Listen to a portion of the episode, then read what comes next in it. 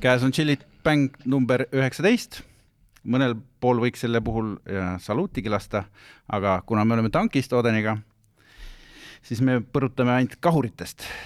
et kõik korrektne oleks, oleme külla kutsunud jahimehe, metsavendluse uurija, noore vanaisa, maleentusiasti, haruldase kokkupandava süstaomaniku salaorganisatsioon Vellod lihttöölise ja ühtlasi ka Kaitseväe juhataja, kindralleitnant Martin Heremi. tere tulemast! tere! Läheme kohe asja kallale levib kuuldus, et sa oled Järvakandi Rahu tänava parim mutikütt. päris kindlalt. sest seal ma ei usu, et keegi üldse rohkem mutti püüaks. järelikult olen ma ka kõige kõvem et siis seda tiitlit on, on nagu lihtne saada.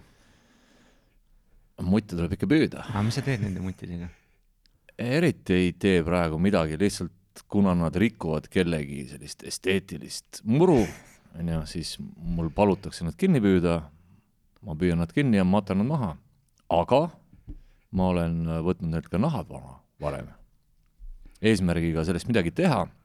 aga kuna ma parkida ei osanud ja parkimine on kallis ja ma panin nad omale ühte sügavkülma, siis juhtus niimoodi, et see sügavkülm lülitas ennast välja ja üleval riiulil olev liha sulas üles ja siis need nahad läksid ikkagi ujuma, nii et äh, mul oli üle saja naha. tegelikult mul on sügavkülmas paarkümmend nahka veel alles, et ma võib-olla kunagi nendega võtan midagi ette, aga sinna läheb aega. kusjuures ma, ma, kui Joel mulle rääkis seda, et sa mutte püüad äh,, mul, mul on äh, bändikaaslane, kes äh, unistab mutinahast ülikonnast või vähemalt siis pintsakust. ja aga vaat seda Joel ei rääkinud, et, et sa neid nahkasid kõrvale paned ja mak-, maksa sõid minu unistus on väiksem, ma tahaks omale vesti. vesti, jah? jah ja, ja, huvitav, no kui, kui palju sinna võib neid mutinahku minna ühe vesti peal? ma arvan, saja nahaga saaks kindlasti väga ja, hea vesti mutivest ma olen kuulnud, et Järvakandis ühel vanemal härral oli olnud.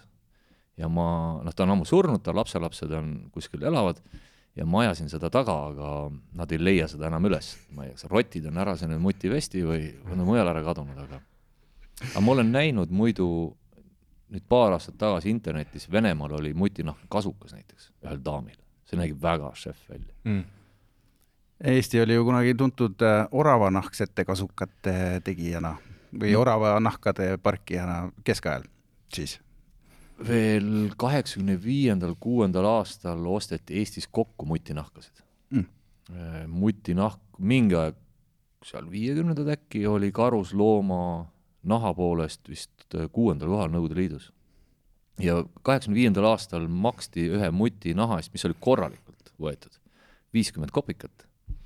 mul on üks tuttav kutt kes seitsmekümne üheksandal aastal äh, koos sõbraga pühtisid ligi tuhat mutti, viisid nahad kokku ostu ja ostsid omale vana Java. Mm.. noh, see on nagu tulus töö. ei, päris, äh, päris uhke, saad esiteks muttidest lahti ja Java. Mm.. no jaa, tuhande muti püüdmiseks ikka oma aiast, sa pead kaugemale minema.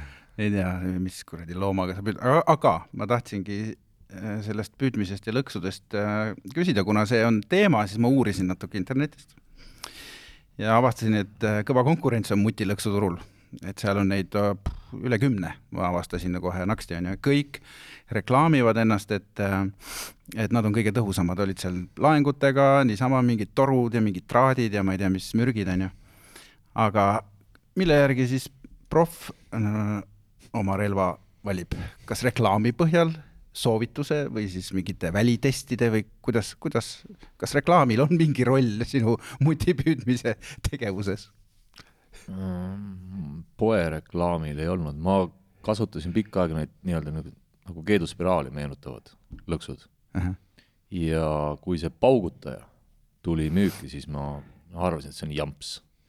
aga siis mul mingi tuttaval mutikütil oma assotsiatsioon on et tal oli siis, siis ma mõtlesin, ma katsetasin seda ja see on, noh, see on tõesti hea.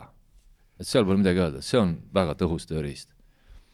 aga reklaamil minule väga suurt mõju ei olnud. noh, ma vaatasin ka, kuidas need tehtud on ja see tundusid kõik niisugused kipakad.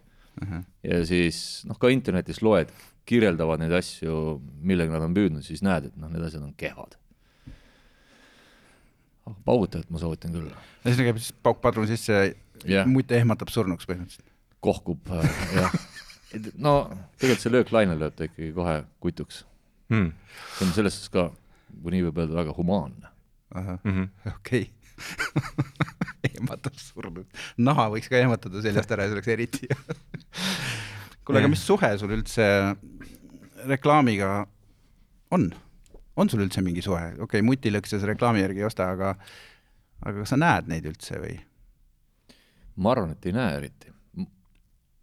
noh, kuna ma teadsin, millest juttu tuleb, siis ma hakkasin mõtlema, ma mingi aeg tagasi ostsin omale kuskil Delfis, eks on mingi reklaam, hullult lahe taskulamp on ju, ja mul seda taskulampi oli vaja ka. ma tellisin selle kohe ära, viiskümmend euri, midagi niimoodi. noh, saast, vabandust. ja, aga see on üks väheseid kordi, kui ma olen mingi reklaami peale nagu kohe läinud ja ostnud. üldiselt noh, ma kohe reklaami peale filmireklaamid, ma olen, vaatan filme, see võib-olla mõjub, aga mingid muud asjad, no ei noh, ma ei tea, õlle või mingi alkohol või ma joon ikka seda, mida ma joon, on ju, või mingi, ma ei tea, riietus või mind kuidagi, ma võib-olla tunnen selle vastu huvi siis, kui mul on tõesti mingi vajadus selle mm järgi -hmm. siis hakkad nägema nagu mingeid asju., aga mul on veel üks probleem, ma arvan, olen ilge kooner. ja tänu sellele ma kuidagi ignoreerin neid reklaame või ma ei tea. Ma nagu naljalt ei osta uusi asju või midagi. oled reklaamipime nii-öelda või vist jah, mm? -hmm. kui niisugune mõiste on olemas, siis ma no. No- pigem olen jah, mingi selline, inimesed üldiselt äh, jah, ei, taha, et neile midagi pähe määritakse, et nad tahavad ise osta, on ju, mitte et neile müüakse. ma pigem olen reklaami nägemispuudega, et mutikombel pime ei ole. aga on mingi kanal, kus äh, olenemata sinu pimedusest või nägemispuudest, kus sul see re reklaam räigelt närvidele käib, kus sa teda ikkagi näed ja kus sa absoluutselt ei tahaks teda näha? vaata, mulle meeldib molutada ja filme vaadata kodus, noh, telekast uh. Mhm. -huh. ma eriti ei viitsi järgi, noh, järgi vaadata, kui telekas saab järgi vaadata, siis aga kuskil mingid Netflixid või asjad, ma sealt väga ei vaata. Ja vot siis ma, ma kerin alati edasi või kui see otse jookseb, siis ma panen mingi muule kanalile, ma otsin mingit muud pilti sel hetkel. et seal võib-olla käib närvidele, mujal noh, ega reklaami tegemine, see on ka kuidagi töö, on ju, noh, mind kurk poes, on ju, ei aja mind närvidele ilgelt, on ju, noh, keegi, keegi, kellelgi on seda vaja ja las ta olla, noh. aga jah, et siis ma ig- ignoreerin seda veel rohkem, on ju, ma lähen mujale, kui see on filmide vahel, mujal vist ei häiri mind kuskil mingi reklaam. kas kui segama hakkab mingit tegevust no võib-olla küll, mm.? poliitreklaamid vahest ajavad võib-olla ka rohkem närvi, aga aga noh, see on jälle niimoodi, et noh, siin nagu on ja noh, siis nad on, las nad olla. Need vist ajavad Need ajavad vist kõiki närvi, jah. mina olen juba tegutsenud mitu aastat ähm, selle nimel, et kuidagi lõpetataks poliitreklaami nimetamine reklaamiks. noh, ta ei ole tegelikult reklaam, ta on ju puhas vale, eks reklaam seaduse järgi ei tohi valetada. et äh, ta on ju noh, lihtsalt propaganda nagu selles mõttes, et nimetagem siis teda poliitpropagandaks, aga millegipärast keegi ei taha kuulda võtta mind. no ja kas see jäta suitsetamine maha või kas need on reklaamid või need on, mis asjad need no on? neid nimetatakse sotsiaalreklaamiks Okei. et, et noh, seal ma olen nõus ja seal nagu ei valetata otseselt, eks, et kui sa võtad poliitreklaami, siis seal ei ole, ta ei allu reklaamiseadusele. ja ma ei pidanud silmas, et selles midagi valet oleks. jah, jah, sotsiaal on jah, sotsiaalse valdkonna asjad on ikkagi reklaamid jah, klassikalises mõttes. minu jaoks on reklaam võib-olla mingi selline asi, kus inimesele üritatakse teha midagi meeldivaks ja vajalikuks. No ta saaks aru, et talle see meeldib ja tal on seda vaja ka, no siis ta läheb, omandab selle või järgib seda või noh, hakkab midagi tegema selle järgi. räägime, kui ma kiidan Eesti kaitsevõimekust, eks siis ma ju arvan, et inimesed saavad aru, et see on mõistlik värk, mitte lihtsalt äge, aga mõistlik ja kuna see on kohustus ka, siis nad löövad kaasa, pehmelt öeldes.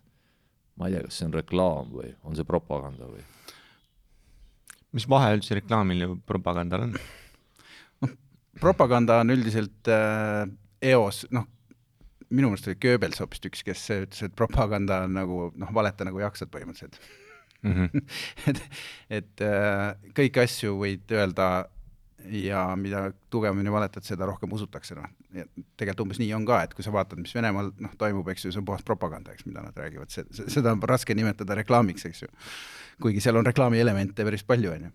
noh, nii-öelda plakatite ja ma ei tea, mis iganes klippide näol, aga nagu propagandat ei saa kuidagi reguleerida ka. ei, seda ei saa kuidagi reguleerida ja mis ongi vahe, eks ju, et reklaam allub reklaamiseadusele ja propaganda ei ole mingit seadust, et ta on lihtsalt niisugune kisamine, noh, kiljumine. mingi, mingi noh, ja, ja kasu saamine on abstraktne, noh, üldiselt reeglina, eks mm. -hmm. aga väga hea, et sa läksid sinna kaitsevõime ja selle poole, et äh, ma tahtsin uurida sinu käest, et meil siin reklaamitööstuses äh, on äh, niisugune lugu, et äh, kõiki asju nimetatakse noh, niisuguste semimilitaarterminitega nagu briefing, strateegia, mingi reach, noh, kampaania, noh, need on kõik tegelikult militaarterminid või sellest valdkonnast tulnud missioon. terminid, missioon, on ju, et äh, tunnen väga koduselt ennast. on ju, võib-olla sa peaksid tulema meile korra tööle mõni päev oleks. sa ei saakski aru, et sa töötad reklaamiagent, tuled briifingule ja et äh, huvitav, kas äh,, kas militaarmaailm ja reklaamimaailm võiksid omavahel kuidagi sugulased olla või on seal mingi sugulus? Sul on muidugi raske sellele vastata, see ei ole reklaamimaailmas muidugi olnud, aga yeah. ma arvan, et väga ei ole, pigem militaarmaailm on seotud kahe asjaga, mingi ressursihaldus ja pedagoogika, ma arvan. et mm -hmm. see ei ole mitte meeldivaks tegenud, see on pigem, kuigi noh, pedagoogika on ju ka, eks õpetamine ja kasvatamine koos. Ja kasvatamine, sa kujundad ikka mingeid hoiakuid või valmisolekut mm -hmm. midagi teha. no võib-olla sealtkaudu kuidagi, et on mingisugune seos. aga muidu vist noh, pigem ei ole mm. väga sarnased. maha ei pea midagi müüma? mingeid ideid või, või, või ütleme? no jaa, me, me praegu on väga kõva müügivärk käib ju. me, me kasutame selles suhtes seda, mida võib nimetada reklaamiks, et sa selgitad mingeid asju, noh, kas siis peaministrile või reamehele, et nii on mõistlik teha, see päästab elusid või mm -hmm. ma ei tea, viib sind võidule. aga, ja ma arvan, et kui me peaministriga räägime, siis see on võib-olla, võib-olla reklaam kui ma sõduriga räägin, siis see on pigem pedagoogika mm. -hmm. ehk siis sa pead ikkagi vastavalt sihtgrupile oma, oma, oma sõnumid läbi mõtlema ja et kuidas see nagu kõige paremini äh, selle tulemini viib. ütleme siis soovitud tulemini. ja vot nüüd ma jällegi arvan niimoodi, et esiteks sa pead, no kui sa tahad olla arusaadav ja mina praegult siin ei suuda seda olla, sa pead lühidalt ja selgelt ja natukese ka huvitavalt sellest asjast rääkima, eks. Mm.. noh, nii me jõudsimegi vist reklaami juurde. ja enam-vähem jah, sest ma arvan, et see huvitavus on ja emotsionaalsus sealjuures, olgugi et tegemist on suhteliselt ratsionaalse nagu noh, valdkonnaga, eks ju, noh, käsuliinid, värgid, aga see emotsionaalne laeng selle taga on ikkagi väga tähtis. no vaata, kus me nüüd jõudsime no,. ma olen koolis õpetanud ka ohvitseride koolis, eks.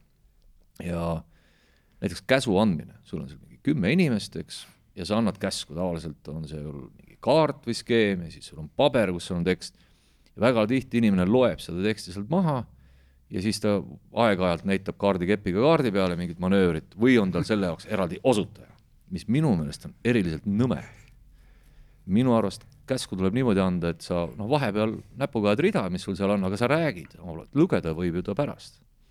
ja nüüd see asi peab olema huvitav, minu jaoks intonatsioon kehakeel kuni tantsuni välja seal ees, on ju, mhm. tõmblemine, see on oluline, noh, sa rõ tahad rõhutada, siin me lööme vastast, on ju, siis mhm. teed sellise näo, nagu sa lööks mm -hmm. ja käsu andmine peab ka olema huvitav, sest muidu jääb magama ja ta ei tea, et üle selle kraavi tuleb minna sillaga ja sellest kraavist üle ei tule minna sillaga. et noh. jõudsime ikkagi selle läbi pedagoogilisuse jõudsime ikkagi lõpuks reklaamini ja im-, noh, see on lausa imidž, võiks imidži reklaamiks nimetada, kui sealt tantsu lööd ohvitseride ees. vahest tuleb jah, tantsu ka lüüa, et olla veenev. huvitavaks tegemine jah. jah, noh, reklaami põhifunktsioon tegelikult ongi ju, võtad mingi suvalise asja ja teed Tähelepanu. huvitavaks, jah, tähelepanu haarad, jah. nii, ja, aga eh, lendlehed ja ruuporitega sõidukid on eh, tänase päevani erinevate armeede meediaarsenalis. kas need esimese maailmasõja aegsed meediad on, on tõesti siiamaani ületamatud? on ikka.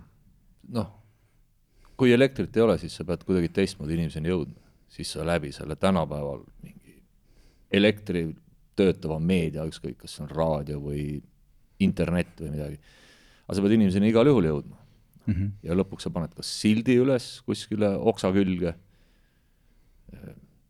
minge tagasi või siin on miinid või, või ma ei tea, surge maha värdjad, noh, ükskõik, mis sa sinna paned. või siis äh, ka needsamad ruuporid ja me vist kasutasime siin Covidi alguses ka oma neid nii-öelda otseteavitusmeeskondi, masin, millel on kohe need megafonid on katusel mm, -hmm. et inimestele selgitada.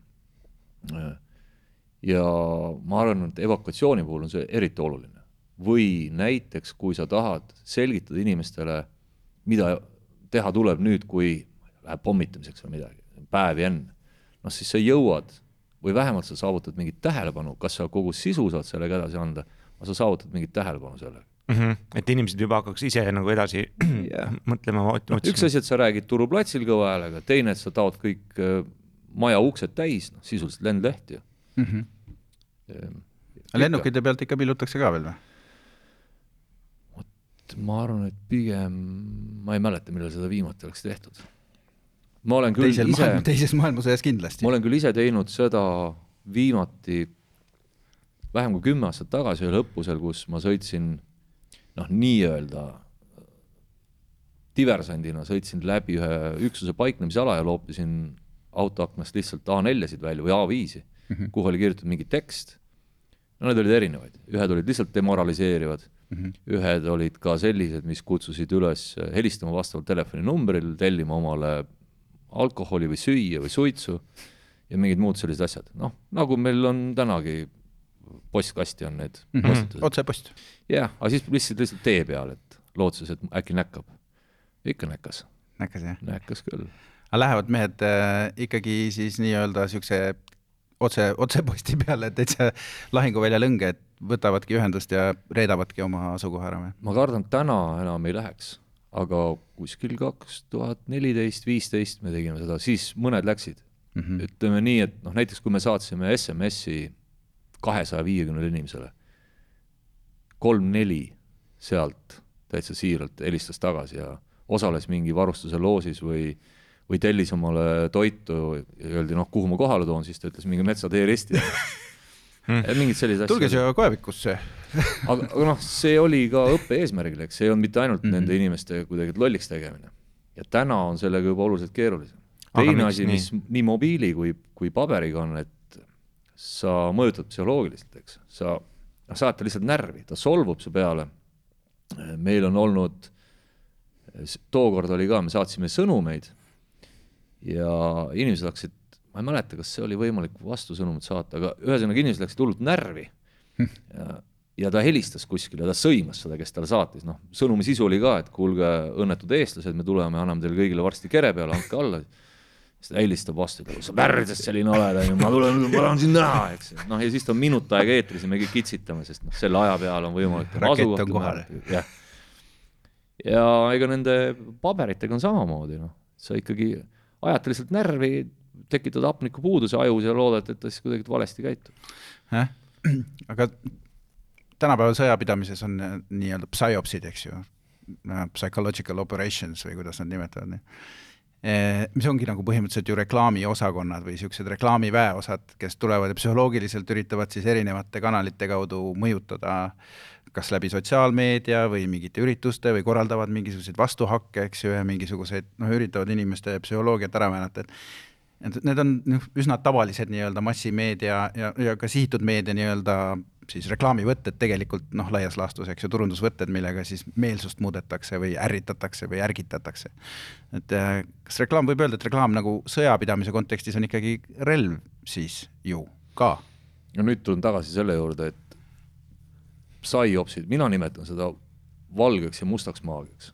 valge maagia on see, kus sa noh, räägidki tõest pilti edastad, et äkki ta on info sulus ja ta ei tea, kui nässus nad omadega on, kui sul on kaotused. aga must maagia on see, kui sa valetad räigelt mm -hmm. ja sa valetad nii palju, kui jaksad. see on see propaganda pool. okei okay,, aga noh, see on psyops, eks, et sa näiteks ma arvan, viimane, mida mina olen näinud, meil siin levis meedias üks paber, mis väidetavalt kuskilt Vene ministeeriumist oli välja tulnud, eh, mis ütles, et välja makstud peredele langenud sõdurite eest on nii suur summa, noh siis inimesed jagasid selle kohe ühele inimesele makstud summaga, ütlesid, aa, mingi viiskümmend tuhat Vene sõdurit on surma saanud mm. -hmm. tundus väga kahtlane, väga kahtlane ja noh, inimesed vaatasid seda, noh, seal oligi kirjavigu täis ja muud asjad, keegi oli selle teinud nüüd meie kõik siin rõõmustasime, kui suured on Vene kaotused ja tegelikult noh, keegi tõenäoliselt sõbralik meie jaoks inimene pani meid noh, meid ennast selliti selle võttega, eks mm. -hmm. et ma arvan, sellist no psühholoogilist operatsiooni liigub äh, sotsmeedias, muidu meedias, noh, ta läheb kohe ju sinna päris meediasse või mm. -hmm no see vist ongi eesmärk. ja me ahmime seda kõik ise sisse ja tegelikult see ei ole meile suunatud üleüldse, see on suunatud võib-olla hoopis vastaspoolele, aga me ise ahmime sisse, läheme õnge selle mm -hmm. desinformatsiooni hooleks ja siis arvame, et noh, niimoodi asjad ongi, tegelikult oleme petta saanud.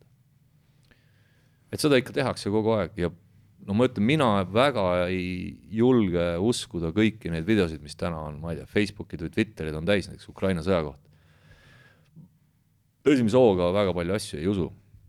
Mm, lõpuks tekivad sul mingid kanalid mm, -hmm. mida sa võid uskuda, aga noh, ka neid võltsitakse. absoluutselt. jah, no need äh, videosid ja asju on, on väga palju, on see, et on lihtsalt mingid vanad, vana materjal kuskil mingi hoopis muu, muust ajast, muust kohast on ju, et aga, aga, aga see, see võetakse nii kiiresti nagu tõe pähe ja et see on, on keeruline küll jah, aru saada üldse ja teine asi, mida ma olen tähele pannud, on see, et see võib ka tõene olla, aga kui see on väga särav, noh, kuidagi ilus värviline pilt ja kõik, siis me Ukraina sõjast õpime väga palju sellise üksikfoto põhjal mm. -hmm. selline juhtum ja ma arvan, vot see ongi see hõbekuul, vot niimoodi seal juhtub. Need on üksikud juhtumid. Ja see tegelikult ei ole üleüldsegi see, tänu millele seal sõda kaotatakse või võidetakse. aga noh, mingil põhjusel see hakkab hullult levima, on ju. no võib-olla ka keegi tahab levida Bayraktar mm. -hmm. kas keegi teab enam midagi Bayraktarist, aga siin märtsikuuses Bayraktar oli täielik hõbekuul mm, -hmm. see võidab sõja ja miks Eesti ei osta omale Bayraktarre ja väga kihvt oli. no tegelikult ongi ju see sõjaolukord on ka relvatootjate jaoks ju tegelikult reklaam või noh, selles mõttes, et nad saavad ju ise kindlasti ka push ivad vaata neid äh, kes iganes Aimarsse või mis iganes asju toodab keegi, eks ju, et ta on ju väga huvitatud, et need oleksid kogu aeg kusagil, samad Bayraktari Türgi inimesed, eks, et äh, need oleksid kogu aeg mingisuguses foonis ja nad saavad ju omalt poolt päris palju aidata selle asja levikule ka. Ma arvan, et Bayraktar ongi võib-olla kõige parem näide, ma ei ole ühtegi teist relvasüsteemi näinud. ja see oli siis Armeenia-Aserbaidžaani sõda, kus minu hinnangul viimne kui üks Bayraktari õnnestunud rünnak filmiti üles ja mhm. paisati eetris, seal oli kaks eesmärki loomulikult, üks oli alandada armeenlaste moraali, aga teiseks teha sellele relvasüsteemile reklaami ka mm. -hmm. ja kedagi ei huvitanud enam, et need positsioonid, mis seal on, olid olnud päevi või kuid, mis puruks lasti, nad olid maskeerimata, nad ei reageerinud võib-olla ohule, et noh, neid oleks võinud ka lolli miinipildujaga puruks lasta. mitte alati ma ei ütle, et mm -hmm. Bayraktar oleks vilets relv mm, -hmm. aga see oli väga hästi selgelt tehtud. reklaamimaiguline. no ikka kindlasti, noh, mina ei tea, kes need videod kõik kokku kogus, kas oli relvatootja ise, aga ma kahtlustan küll, et see ei saanud olla ainult Aserbaidžaani Psyopsi meeskond, et seal kindlasti tootjal oli, noh, pingutas ka selle nimel, et need jõuaksid igale poole. Sest täna, kui paljudest teistest relvasüsteemidest, noh, ma ei tea, Javelin oli vahepeal pühaku staatuses, eks. kui palju me oleme näinud, kuidas Javelin laseb ma eriti ei ole, ma olen tulemas. ma olen näinud, kuidas see välja vupsab ja mm -hmm. rohkem ma ei ole näinud. ja kuidas selle tanki põlema paneb mm. -hmm. teised e-, ettevõtted ei ole seda teinud, on no, müünud või kuidagimoodi nende vahendid on sattunud inimeste kätte, siis on selline inimeselt inimesele reklaam on ju mm -hmm. pigem, et öeldakse, oi kurat, see on kõva riist. suust suhu. Suust suhu jah. Aga, aga kui äh, ütleme üldse militaarvaldkonnas, et äh, kui, kui oluline on mingite asjade bränd, vaata, on ju mingid Lockheed Martinid ja siis on mingisugused hoopis mingid täiesti tundmatud nimed, eks ju.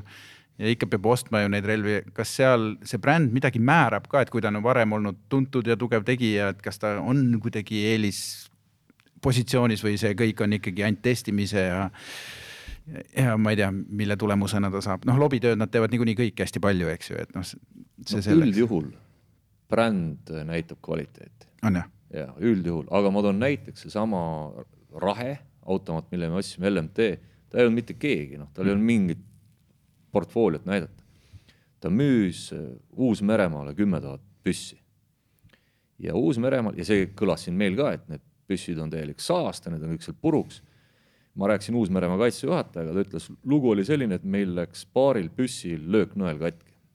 helistasime firmasse, firma tuli kohale, vaatas üles terve partii, noh, ma arvan, et siis paar tuhat relva, leidis veel, ma ei tea, kas üks või kaks praaklööknõela, aga vahetas välja kõigil mm. -hmm. ja sama oli ka mingi sihiku, mingi tükk oli, vaatasid jälle kõik üle, vahetasid paaril välja ja tema ütles niimoodi, et ma ei tea, kas see on maailma kõige parem püss, aga kõige parem garantii kvaliteedil on sellel päris kindlasti.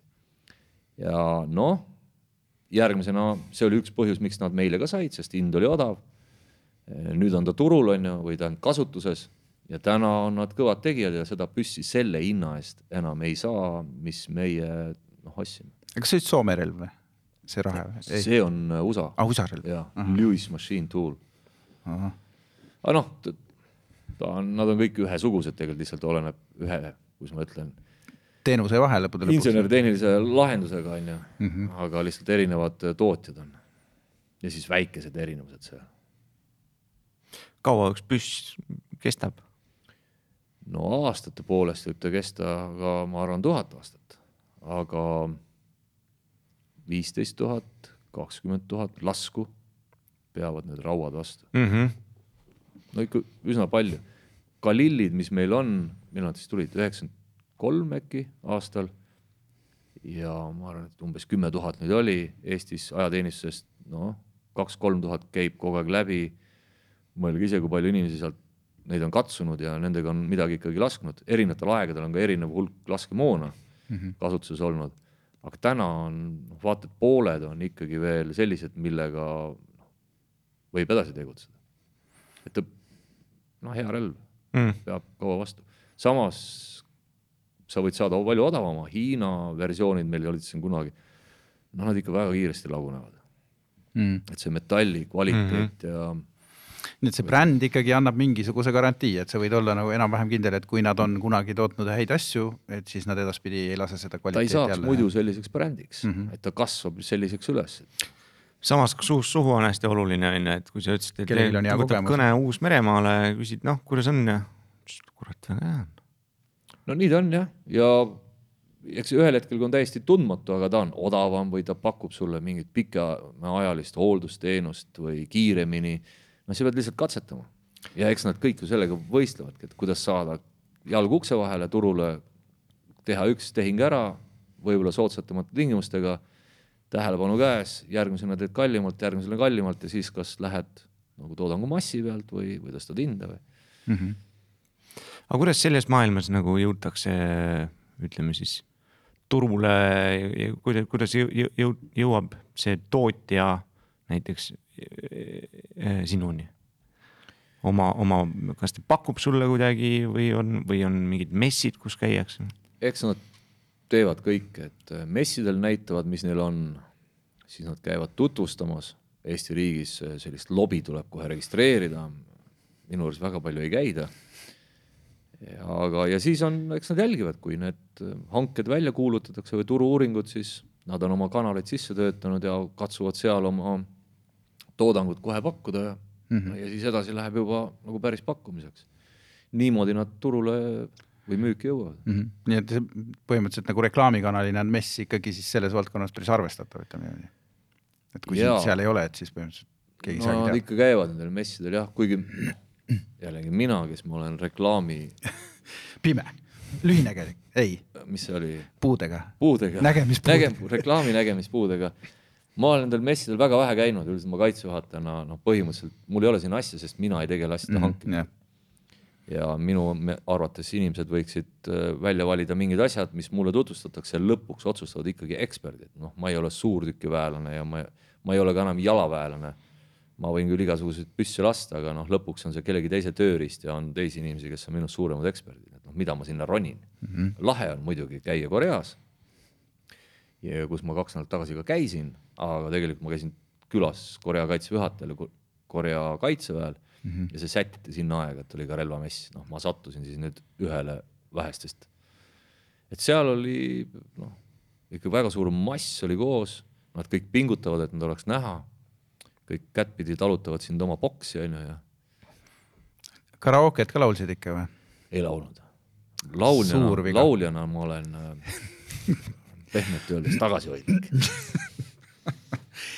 Mina ei tea, mina, ma ise trummarina ütlen, et olen ka lauljana tagasihoidlik, aga Koreas ma lõõritasin nii, et ma ei tea, seal, seal on midagi õhus, et sinna karaoke baari lähed, siis sa oled kohe nagu noh, sa tahad laulda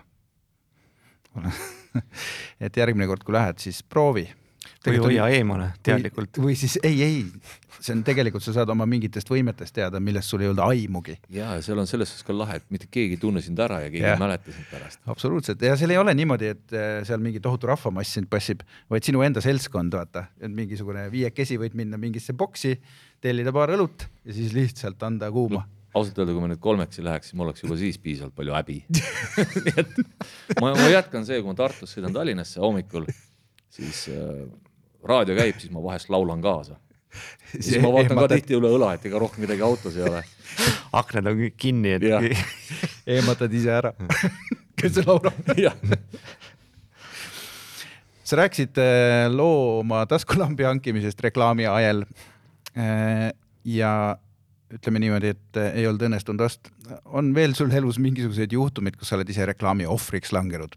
ma pean korra selle taskulambi juurde tagasi tulema, et no ei olnud saast, see oli ikka taskulamp, aga ta oli kaugelt sellest, mis seal kõik näitas niimoodi, noh, sellest oli ta mitte kaugel, aga hästi lähedal oli isegi. no ei olnud saast, ma saaks kuurist puid tuua ja kõik asjad sellega, selles suhtes okei okay.. aga ta ei olnud jah, sellist efekti. aga oot, mis sa nüüd küsisid kas sa oled veel reklaami, kas sa oled reklaami ohvriks langenud, okei okay,, lamp, seal, seal sa päris ohvris ei olnud, aga ütleme, ootused olid kõrgemad, aga nagu ütleme noh, need mehed, kellele sa lendlehti jagasid ja siis, kes helistasid ja oma positsiooni reet-, reetsid, nemad selgelt langesid reklaami ohvriks otseses mõttes, aga, aga kas sul on reklaam niimoodi liiga teinud? tunnistan, et üks nõrkus mul on, et need, kes telefoni teel midagi müüvad, see on hästi paljudel inimestel, ma olen, tahan olla hästi viisakas, ma ütlen, mul ei ole, noh, praegu, no ma ei no okei okay,, rääkige, mis te tahate siis nad räägivad ja, ja ma juba tunnen niimoodi, et saaks sellest lahti kuidagi, et ma, palju see raamat maksab ja nii noh, näiteks mul on meditsiiniteenused väga hästi tagatud läbi kaitseväe. ometigi üks päev mulle helistati ja noh, suhteliselt kiiresti kolmekümne euro eest eh, müüdi mulle eesnäärme mingisugune test onju ma ütlesin, no hea küll, no tead nagu mille pärast, no mul ei olnud nagu mingit hirmugi ja ma võiks neid teste teha kaitses, aga no kuidagi ta rääkis ja vot võib-olla sellest eesnäärmest oli nii palju räägitud kuskil mm -hmm. telekas igal juhul üks päev ma ilmusin koju ja naine küsis, mis see on. ma testin, sul on midagi viga või? ma ütlesin, ei ole no.. ostsid selle, lollakas. vot näed, noh näiteks selles kohas läksin ja siis see test vedeles mul mingi aasta aega, lõpuks ma tegin selle vereproovi ära ja saavutasin meelerahu.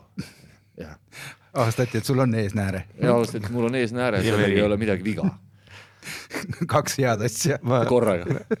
meie, meie vahe on see, et mina ei teinud seda testi ära lõpuks ikkagi. ta vedeles ja vedeles ja, ja ma viskasin ta minema lõpuks, sest ma arvasin, et tal on ka ju küllap mingisugune nagu aegumiskuupäev ja, ja mul jäi ta tegemata, aga üks test oli veel, mis, mis oli midagi sarnast, et äh, ma ei mäleta, mis see enam oli, aga ma kaks korda olen selle otsa astunud et selline nõrkus mul on ka jah, et mm. telefoni teel mulle helistades, nüüd ma viimasel ajal olen kasvatanud enda siseloomu, olen öelnud ei aitäh, ma ei soovi või mul ei ole üldse aega, mis on natukese viisakam. Mm. -hmm.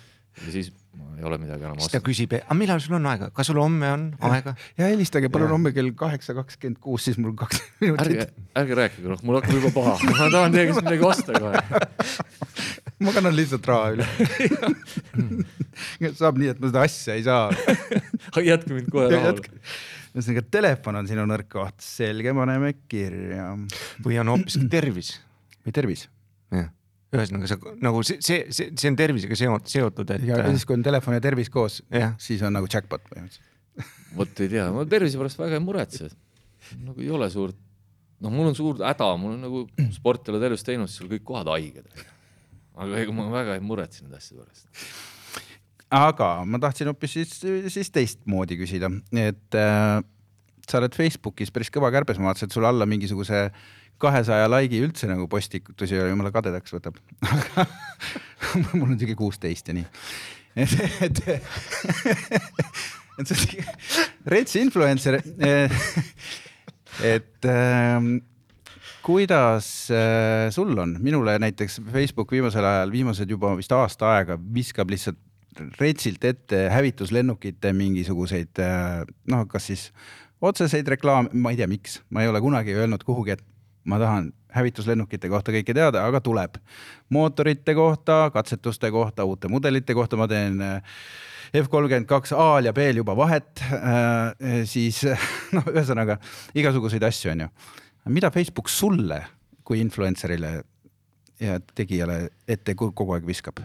Vot nüüd tuleme tagasi selle, ma ei tea, kus, olenevalt, kas sa avad seda arvutis või telefonis, et ta on kas all, üleval või, või vasakul pool ja ma sinna nurka ei näe tulenevalt oma puudest okay. ma ei tea, mida nad mulle pakuvad. Feed'is sees. ja, ja, aga ma ei, ma ei, noh. aga sa ei näe, sa, mul on see puue, puue, jah.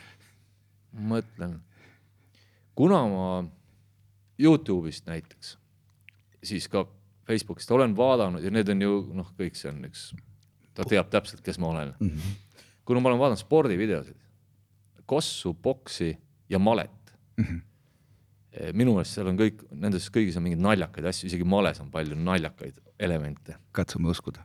jah, siis ta pakub mulle neid näiteks, selliseid videosid pakutakse mulle kogu aeg või mingit niisugust. naljamale videosid. nalja koomiline male oh,. käis see kolm. seda ma olen täheldanud, pakub, aga muud ei tea jah okei okay,, nii et sina siis ei kategoriseeru järelikult militaarseks inimeseks. mina millegipärast. see ta võib-olla pakub, aga mul jälle see. nojah, puue segab. laskme kellelgi kõrval, kõrval, kuule, tule vaata, kas siin on reklaam või ei ole. mina ei saa aru ma hakkan homme seda vaatama või siit ära lähen siis. nüüd, nüüd annan teile tagasiside. nüüd sa võib-olla, võib-olla muud ei näegi nagu peale reklaami. hullult närvis, mis kurat, see topivad mulle. Naiste aluspesu minu kuu aja pärast saab, Joel saab kõne nagu, mida sa tegid muga yeah,, yeah. ma nagu muud ei näegi nagu, ma ei saa asju ajada enam avasid mu silmad mm -hmm. reklaamimaailma. enam kinni ei saa panna, sest et meie valdkonnad, nagu me ju tõdesime, on ju suhteliselt lähedalt sugulased. jah yeah. yeah., tuleb välja, et Prakti nagu praktiliselt kaksikud tuleb nii välja täiesti erinevad, aga. täiesti, aga, aga väga sarnased no siin tuleb jälle tulla selle juurde, et geneetiliselt äh, teate, kui palju erinevad hiire inimene? suhteliselt vähest banaani inimene e, erinevad umbes ainult kolmandiku geenide poolest. hiire inimene on vist mingi üks koma kaks või midagi niimoodi protsenti mm. -hmm. noh, täitsa sama, no me, nii oleme ka meie kaks. Same, same. nii et, aga mutt ja inimene seda ei tea. ma arvan, et see vahe ei ole isegi null koma ühe protsendist erinevust. võrreldes hiirega? hiirega jah mm. -hmm. see jääb sama, sama erinevad olema okay.. nii et äh, võib öelda, et äh, on selline enesehävituslik teguviis muti tapmine. vennatapp. vennatapp. vennatapp, jah. vahest on seal ka õdesid teed vahet või? jaa mm.. pean tõesti olema ega see, millega elus tegeleda, see ei ole lihtsalt mingi nottimine, ma olen neid ikkagi uurinud. teadlane. ma olen pannud kirja, millal on pandud lõks, millal ta sinna lõksu sattus, vähemalt mis aja jooksul, isane või emane, palju ta kaalus, mis, kui pikk ta on ja sellega sa tegelikult noh, saad paremini aru või ma, ma arvasin, et ma saan neid kergemini kätte, onju. tegelikult vist eriti ei ole, kuigi jällegi seal on statistika, mis ütleb, ei pea, vanasti ma panin teatud hulgal lõksusid mingi maa-ala peal. kui sa vaatad sada viitekümmet tabatud muti statistikat, siis saad aru, et pole vaja, pane ainult üks, sest tõenäosus, no ei kasva mitte grammigi sellest noh, on kasulik. sa ikka lähened väga, väga nagu metoodiliselt, äh, siin tegemist on su paelisega loomulikult ka. ta ei ole, kui ta on minu aia kõrval seal kaevab, noh, see on tore värk, las kaeva, ma ei lähe teda jahtima sinna. kuni ta ei ületa teatud piire, eks, punane joon. punane joon okupant. läks. tundubki veits haiglane, aga, aga no nii ta on. ilma reklaamita on see kõik toimunud muuseas. aga praegu sa oled kõvasti reklaami ma arvan ka, et, et, et inimesed, kes pärast kuulavad seda, kes mutte üldse nad ei pannud tähele, neid ei huvitanud Mhm. mutid, nüüd hakkavad vaatama teise pilguga hoopis ja, ja võib-olla, võib-olla järsku üks hetk muti, selle, mis see mutilõksu Müük. tootja vaatab, et nagu müük niimoodi kasvab, aga aru ei saa, miks. see on nagu Kaja Kallas, eks ju, müüs elektrigeneraatoreid, siis nüüd kindralleitnant Herem müüb mutilõkse põhimõtteliselt või noh, nagu muti püüdmist kui kontseptsiooni, eks ju. vot nii, nii me kujundame seda maailma, te just hetk tagasi avasite minu silma reklaami jaoks, noh. jah, nii, nii, nii see elu käib. korralik psühhops käib siin praegu. aga ma tahtsin tegelikult ikkagi teada, et mida sa, sa vaatad telekat, sa ütlesid, mis on harukordne muideks, sa oled üks väga väheseid äh, Chillit Bangi külastajaid, kes vaatab päriselt televiisorit. enamus inimesi üldse kas telekat ei oma või siis ei ole seda ammu lahti teinud mingil põhjusel, millest ma ei saa aru, sest ma vaatan ka kogu aeg telekat. aga mida sa reklaamipauside ajal teed? paned kas, teise kas sa paned Teise teise kan- kanali lihtsalt kanali peale ja ei, mingit võile, võile, ei, õlut, teleka värk on mul natukese ka nii, et mul tegelikult taustaks kogu aeg telekas mängib. ja tihtipeale noh, filmi ma tegelikult võin küll niimoodi vaadata, et keegi ütleb kõrval isa või Martin või, ja ma ei tee väljagi, et ma lihtsalt jõllitan filmi, no ma elan kuidagi seal. sama.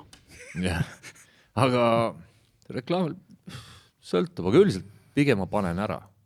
noh, ma võin minna ka suitsetama, võin minna õlle järgi, aga pigem jah, võib-olla, et lähen suitsetama. aga üldiselt panen ära kuskile mujale. sa ei ole see võileivamees mm. -hmm. ma olen kuulnud, et äh, inimesed jagunevad nagu kaheks, on sui- nagu võileivamehed ja siis on kõik ülejäänud, kes teevad kõiki igast muid asju, aga mingi, mingi kontingent, kes on nagu aamen-konks nagu mingi võileivahaigus, nagu reklaami see pausi, see signatuur tekitab neis võileiva vajaduse. Pavlovi refleks jah, Pavlovi refleks. nõrisema. ei, ei, mulle süüa meeldib, telekas veel eriti, aga rekla-, ma olen vist liiga laisk, ma ei viitsi minna kuskile. aga suitsetamine, vot see ei ole laiskusega seotud, see on mingid see on ikka hea asi. jagan seda seisukohta. aga joomisest rääkides, nojah, et sellepärast ongi, et, et rekla-, reklaam ajab inimesed jooma, sest nad lähevad reklaamipausi ajal. Osad lähevad jooma. Lähevad, võtavad õlle juurde. mm. -hmm. Aga, aga kas reklaam võib olla, siin on väga palju juttu olnud sellest mingi hetk, kus öeldi, et äh, reklaam on pannud Eesti inimesed jooma ja siis keelati alkoholireklaam põhimõtteliselt praktiliselt noh, mitte täies koosseisus, aga noh, suuremas osas ära. kas sina arvad, et reklaam on üldse võimeline inimesi jooma panema? nojah, ma ei ole hea, mul oli see puue onju. ja see puue ei ole mind seganud vahest alkoholi tarbimast jällegi. pigem mitte. ma, ma arvan, et siiski noh, reklaam noh, telekareklaam, seinareklaam, ajalehereklaam. no inimene üldiselt teab, et kuskil on kärakas ja mismoodi ta pärast seda käitub, et pigem on selline siis see suust suhu reklaam, Mm -hmm. Pudelist suhu. pudelist suhu, jah, pudelist suhu. raske öelda, ma, nad on ju teinud igasuguseid uuringuid ka ja mingid mm -hmm. uuringud ütlevad, et noh, siiski, siiski, kui see kämelipakk seal ja kõrb ja keegi matkab ja siis paneb suitsu ette ja, kohe tuleb kohe inimesele, kes pole kunagi suitsu teinud, absoluutselt paneb jooksujalu poodi, ostab oma pakki tõmbab kaks tükki järjest ära, ütleb issand, kui lahe. kust ma parem olin. kuidas ma varem seda ei teadnud? jah, elu on, elu paneb inimesed jooma, peaks elu ära keelama. Äh, jah, jah, see on ka variant. mõni joob kurvastusest ja mõne, mõni rõõmust, et siis tuleks need ka ära keelata. jah, emotsioonid, no ja. emotions. Eh, kuule, aga kas sul on ähm, oma mingisugune lemmikbränd, mis iganes, see võib olla piim või mm., või auto Või- või püksid? kelv või relv. jaa. Äkki mul on kuidagi, ma, ma ei oska öelda, noh. ma, kui ma lähen relvapoodi või jahipoodi, ma võin seal suu ammuli vahtida, aga ma ei tea, kas bränd on tähtis. mulle meeldivad Šveitsi noad või mingid bussnoad, no need on lahedad, mul ei ole neid, ma ei ole neid väga palju ostnud. aga sellised püssid ja relvad, no need meil bränd, võib-olla siiski. noh, ma olen palju omale ostnud näiteks Makita tööriistasid. Ma tean, et Metabo või mõni teine, noh, kiidetakse palju rohkem, aga okei okay,, mul on lemmikbränd on Makita mm. -hmm. ja siis võib öelda, sest mul on mitu, neli, viis, kuus võib-olla Makita tööriista. Fiskars mm, -hmm. Fiskarsi kiin, Fiskarsi kirved kindlasti. jube head jah. jube head. püsivad teravad jah. ja ma kohe lähen poodi ja vaatan seal mingisugune hinnavahe, äh, ma võtan Fiskarsi mm. -hmm. kindlam on nagu? On jah. no Makitaga on täpselt sama mulje. no vahi, no näiteks lihtsalt... labidad. ma lihtsalt ostan, võtan selle Fiskarsi. küll tavalise labida puhul mitte, aga lumelabida puhul ma jätan poest labida ostmata, kui seal ei ole Fiskarsit. mul on siin olnud möödunud talvedel paar korda loll olen siiski häda korral ostnud mõne teise ja ei ole olnud, ütleme nii, nii rahul sellega. et noh, näe, näed, Fiskars, tööriistad mm. -hmm. asjad, mis peavad kestma. jah. Nojah, ma, ma, Makita, Makita juurde sa oled ka, aku seob ka kohe ära nagu äh, ühe brändi külge. ja noh, eks nagu... neil ennem olid kõik mingid erinevad, aga nüüd see toode on niimoodi arenenud, et mm -hmm. see tundub kõik hullult mugav, et sul on mootorsaag, eks sul on muruniiduk, sul on raadio, siin on kõik trellid ja ma ei tea, mis tiigersaag ja. isegi, isegi aiakäru on mootoriga, on akuga. ma nägin ka. jah. rets. sinna mul läheb veel paar aastat aega aga no mõte liigub no näed, reklaam ma nägin ka seda hiljuti kataloogis, Boschi, ma nägin Boschi kataloogis, siis nägin Makita kataloogis ka, et ja on mingisugused päris power back'id ja suured mootorid on all, ma ei tea, mida nad veavad nendega tõesti, betooni või, ma ei tea. aga noh, niisugused aiakärra suurused asjad jah. raha. raha veavad õlut õlut ja raha. Aga kas sul endal on äh, vahest mõni reklaamimõte, mis siis, et sa neid ei näe, aga on sul mõni reklaamimõte pähe tulnud, kasvõi seoses oma tööga? no mingid mõtted on, kuidas, ma ei tea, kas see on jälle reklaam, aga kuidas näidata näiteks ajateenistust või reservteenistust, selle mingeid positiivseid ja tõeseid külgi. et siis teha inimestele seda kõike arusaadavamaks ja, ja kergemini seeditavamaks või et see oleks neile eemale tõukav, see ehk on. ja ma arvan, ega ma väga palju mingite muude selliste reklaamimiste peale pole mõelnud. siiski, no Järvakandi iga mehe maraton mm. -hmm. noh, seda me oleme üritanud ühel või teisel pool reklaamida, aga ma küll ei saa öelda, et ma oleks mingit reklaami kuidagi disaininud. no me tegime trassi reklaami näiteks või trassi tutvustuse, sõitsime selle kaameraga läbi mm, -hmm. siis sõber lõikas sinna mingid tekstid sisse, eks, ja noh, panime Youtube'i üles. reklaam. reklaam, jah okay telereklaam lausa või noh. panime Kosmikute maapoisi muusika sinna takka veel ja no päris lahe ja ma arvan, et ma ei tea, kes selle välja mõtles, aga ma, ma osalesin selles. aga need on vist on ka kõik. aga kui sa oma kõnesid kirjutad, need on ju ka natuke kampaania moodi asjad, vähemalt äh, lihtsurelikuna kuulates neid. Need on ju ka ikkagi sõnumid, mis peavad äh, minema kohale, midagi tegema, midagi noh, nii-öelda reklaamima, et äh, sa küll ei pea liiga tihti neid kõnesid, et aga selle, selle võrra tähelepanelikumalt neid kuulatakse nüüd see kõned on selle töö kõige keerulisem asi, sest noh, tegelikult mingis väiksemas kohas, ma tänagi vist olen juba kaks kõnet pidanud, andes üle mingeid aurahasid või, või meeneid. Nende kõnedega ongi ju nii, et sa pead midagi ütlema. ja on kohutavalt piinlik, kui sa lihtsalt räägid aja täis või täidad selle koha, see on kohutavalt piinlik ja ma teile ütlen, et see on väga raske, sest sa mõtled kogu aeg, kas ma täidan kohta või ma ütlen midagi. sa pead pingutama selle jaoks, et sa midagi ütleks, noh ja kui see siis välja tuleb, siis on päris hästi. Aga lihtsalt täita seda, noh, sest kaitsejuhataja on ju, peab seal kõne ja noh, kümme minutit, võiks ju neid lõike seal kopeerida ühest teisest kohast ja oleks tehtud ja keegi õhtuks ei mäletagi seda enam, no mis, mis siis pingutad. kümme minutit häbi ja kõik on läbi aga noh, aga siis mõtled, millest ma palka saan, kaitsejuhataja asi on ka öelda midagi. noh, oma sõduritele, reservile, ohvitseridele. ja siis see kuidagi hakkab kujundama seda. Siis mõtled, mis sel hetkel noh, on tähtis nendele öelda ja paned need sõnad sinna sisse ja räägid oma jutu ära mm. -hmm. et ma küll ei harjuta kõnepidamist, sest ma ei oskaks niimoodi noh, seda teatraalselt niimoodi kõike teha ja ma ei pea seda eriti vajalikuks, kuigi noh, inimesed, kes seda oskavad teha ja teevad, väga äge on kõik, aga ma pigem ei pea kõnet, ma räägin mm. -hmm. Ma räägin oma loo ära ja siis on see läbi uh. kümme minutit häbi ja siis on läbi. häbi on, aga aga sa kirjutad tunne. ise kõik selles mõttes, et sa oled ise ju siis copywriter põhimõtteliselt, see, see, see töö on juba täpselt, sulle ju ei no kirjutata ikka. kirjutan ise mm, -hmm. selle teksti ma kirjutan noh, enamasti valmis ise ja siis on mõni inimene mul ka noh, strateegilises kommunikatsioonis näiteks, kes vaatab selle üle, hoiab peast kinni. hoiab peast kinni, ütleb, rõhuta seda, teist või kolmandat, vahest äh, sätib ka mingit ma ei tea, kas terminoloogiat või, või sõnavalikut, komasid, komasid ei, seda mitte, see noh, komad on sul selged. kuna, kuna sa räägid seal ise, siis sa pead need komad panema nii, nagu ta ei pruugi Mhm. üldse grammatikas õige olla, eks. sest noh, mõnda asja tahad kangesti rõhutada, teed meelega pausi, kandva nagu meri, onju.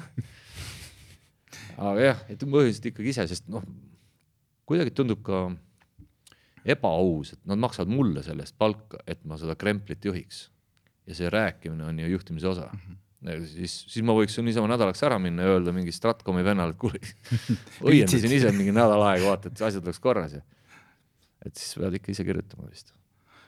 jah, aga noh, see minu point vist ongi see, et et tegelikult äh, sa oled äh,, oledki kõige tähtsam reklaam kogu sellele organisatsioonile, mis on väga suur tegelikult, eks, noh, kaitsevägi ja sellega seonduv, eks. et iga kord, kui sa sõna võtad, siis sa oledki elus reklaam põhimõtteliselt sellele organisatsioonile iseenesest. nojah, nii ta tõenäoliselt on. kus see teeb jälle väga viletsaks tunda siin. ju, ju mul, miks mina, no kuule, tuleme kogu aeg tagasi selle reklaami asja juurde. aga tegelikult on nii, et äh, me tahame sult küsida viimase küsimuse, millele sa äh, vasta vabalt, me ei solvu. kas reklaam on kunst? jaa, noh, mustkunst. ta ei ole päris mustkunst, aga see on, noh, mis asi see kunst üldse on, mingisuguse meeleolu loomine on ka ju. ja, ja siis selle mingi sõnumi edasiandmine. noh, veel korra, sa pead teadma, kellele sa tahad midagi öelda, siis vastavalt sellele sa valid värvid ja rütmid ja ma ei tea, mis kõik veel. noh, see on ju puhas kunst juba. ma ei taha, ma ei saa öelda, et manipulatsioon, aga noh, ikkagi kunst eks ta on natuke paned- manipulatsioon ka Jaa, alati. ja sa paned need asjad kokku, no ikka on kunst. sõja asjades öeldakse, kas on sõjakunst või sõjateadus. nüüd, kunst on selline, ei hakka targutama, proovi. ma arvan, et ikka on kunst jah. on jah, teadus on nagu loogiline, aga kunst läheb sealt, kus loogilisus ära lõpeb, kus on ainult tunnetus nagu. no aga seal reklaamis ei ole väga palju sellest loogilisest, mille kuradi pärast nad seda kõike ostavad, onju. või näed, poliitreklaam Jah. no, no, no mis loogika seal on, et nad teda üleüldse ei vali, ta on ju normaalne inimene või vastupidi. selle, selle kauni mõttega tõmbamegi otsad kokku, aitäh, Martin, et tulid, aitäh. väga Aitäh, tore, et- et sa leidsid aega oma kiirest äh, aitäh, et kutsusite, oli tore. absoluutselt, jah, aitäh. aitäh.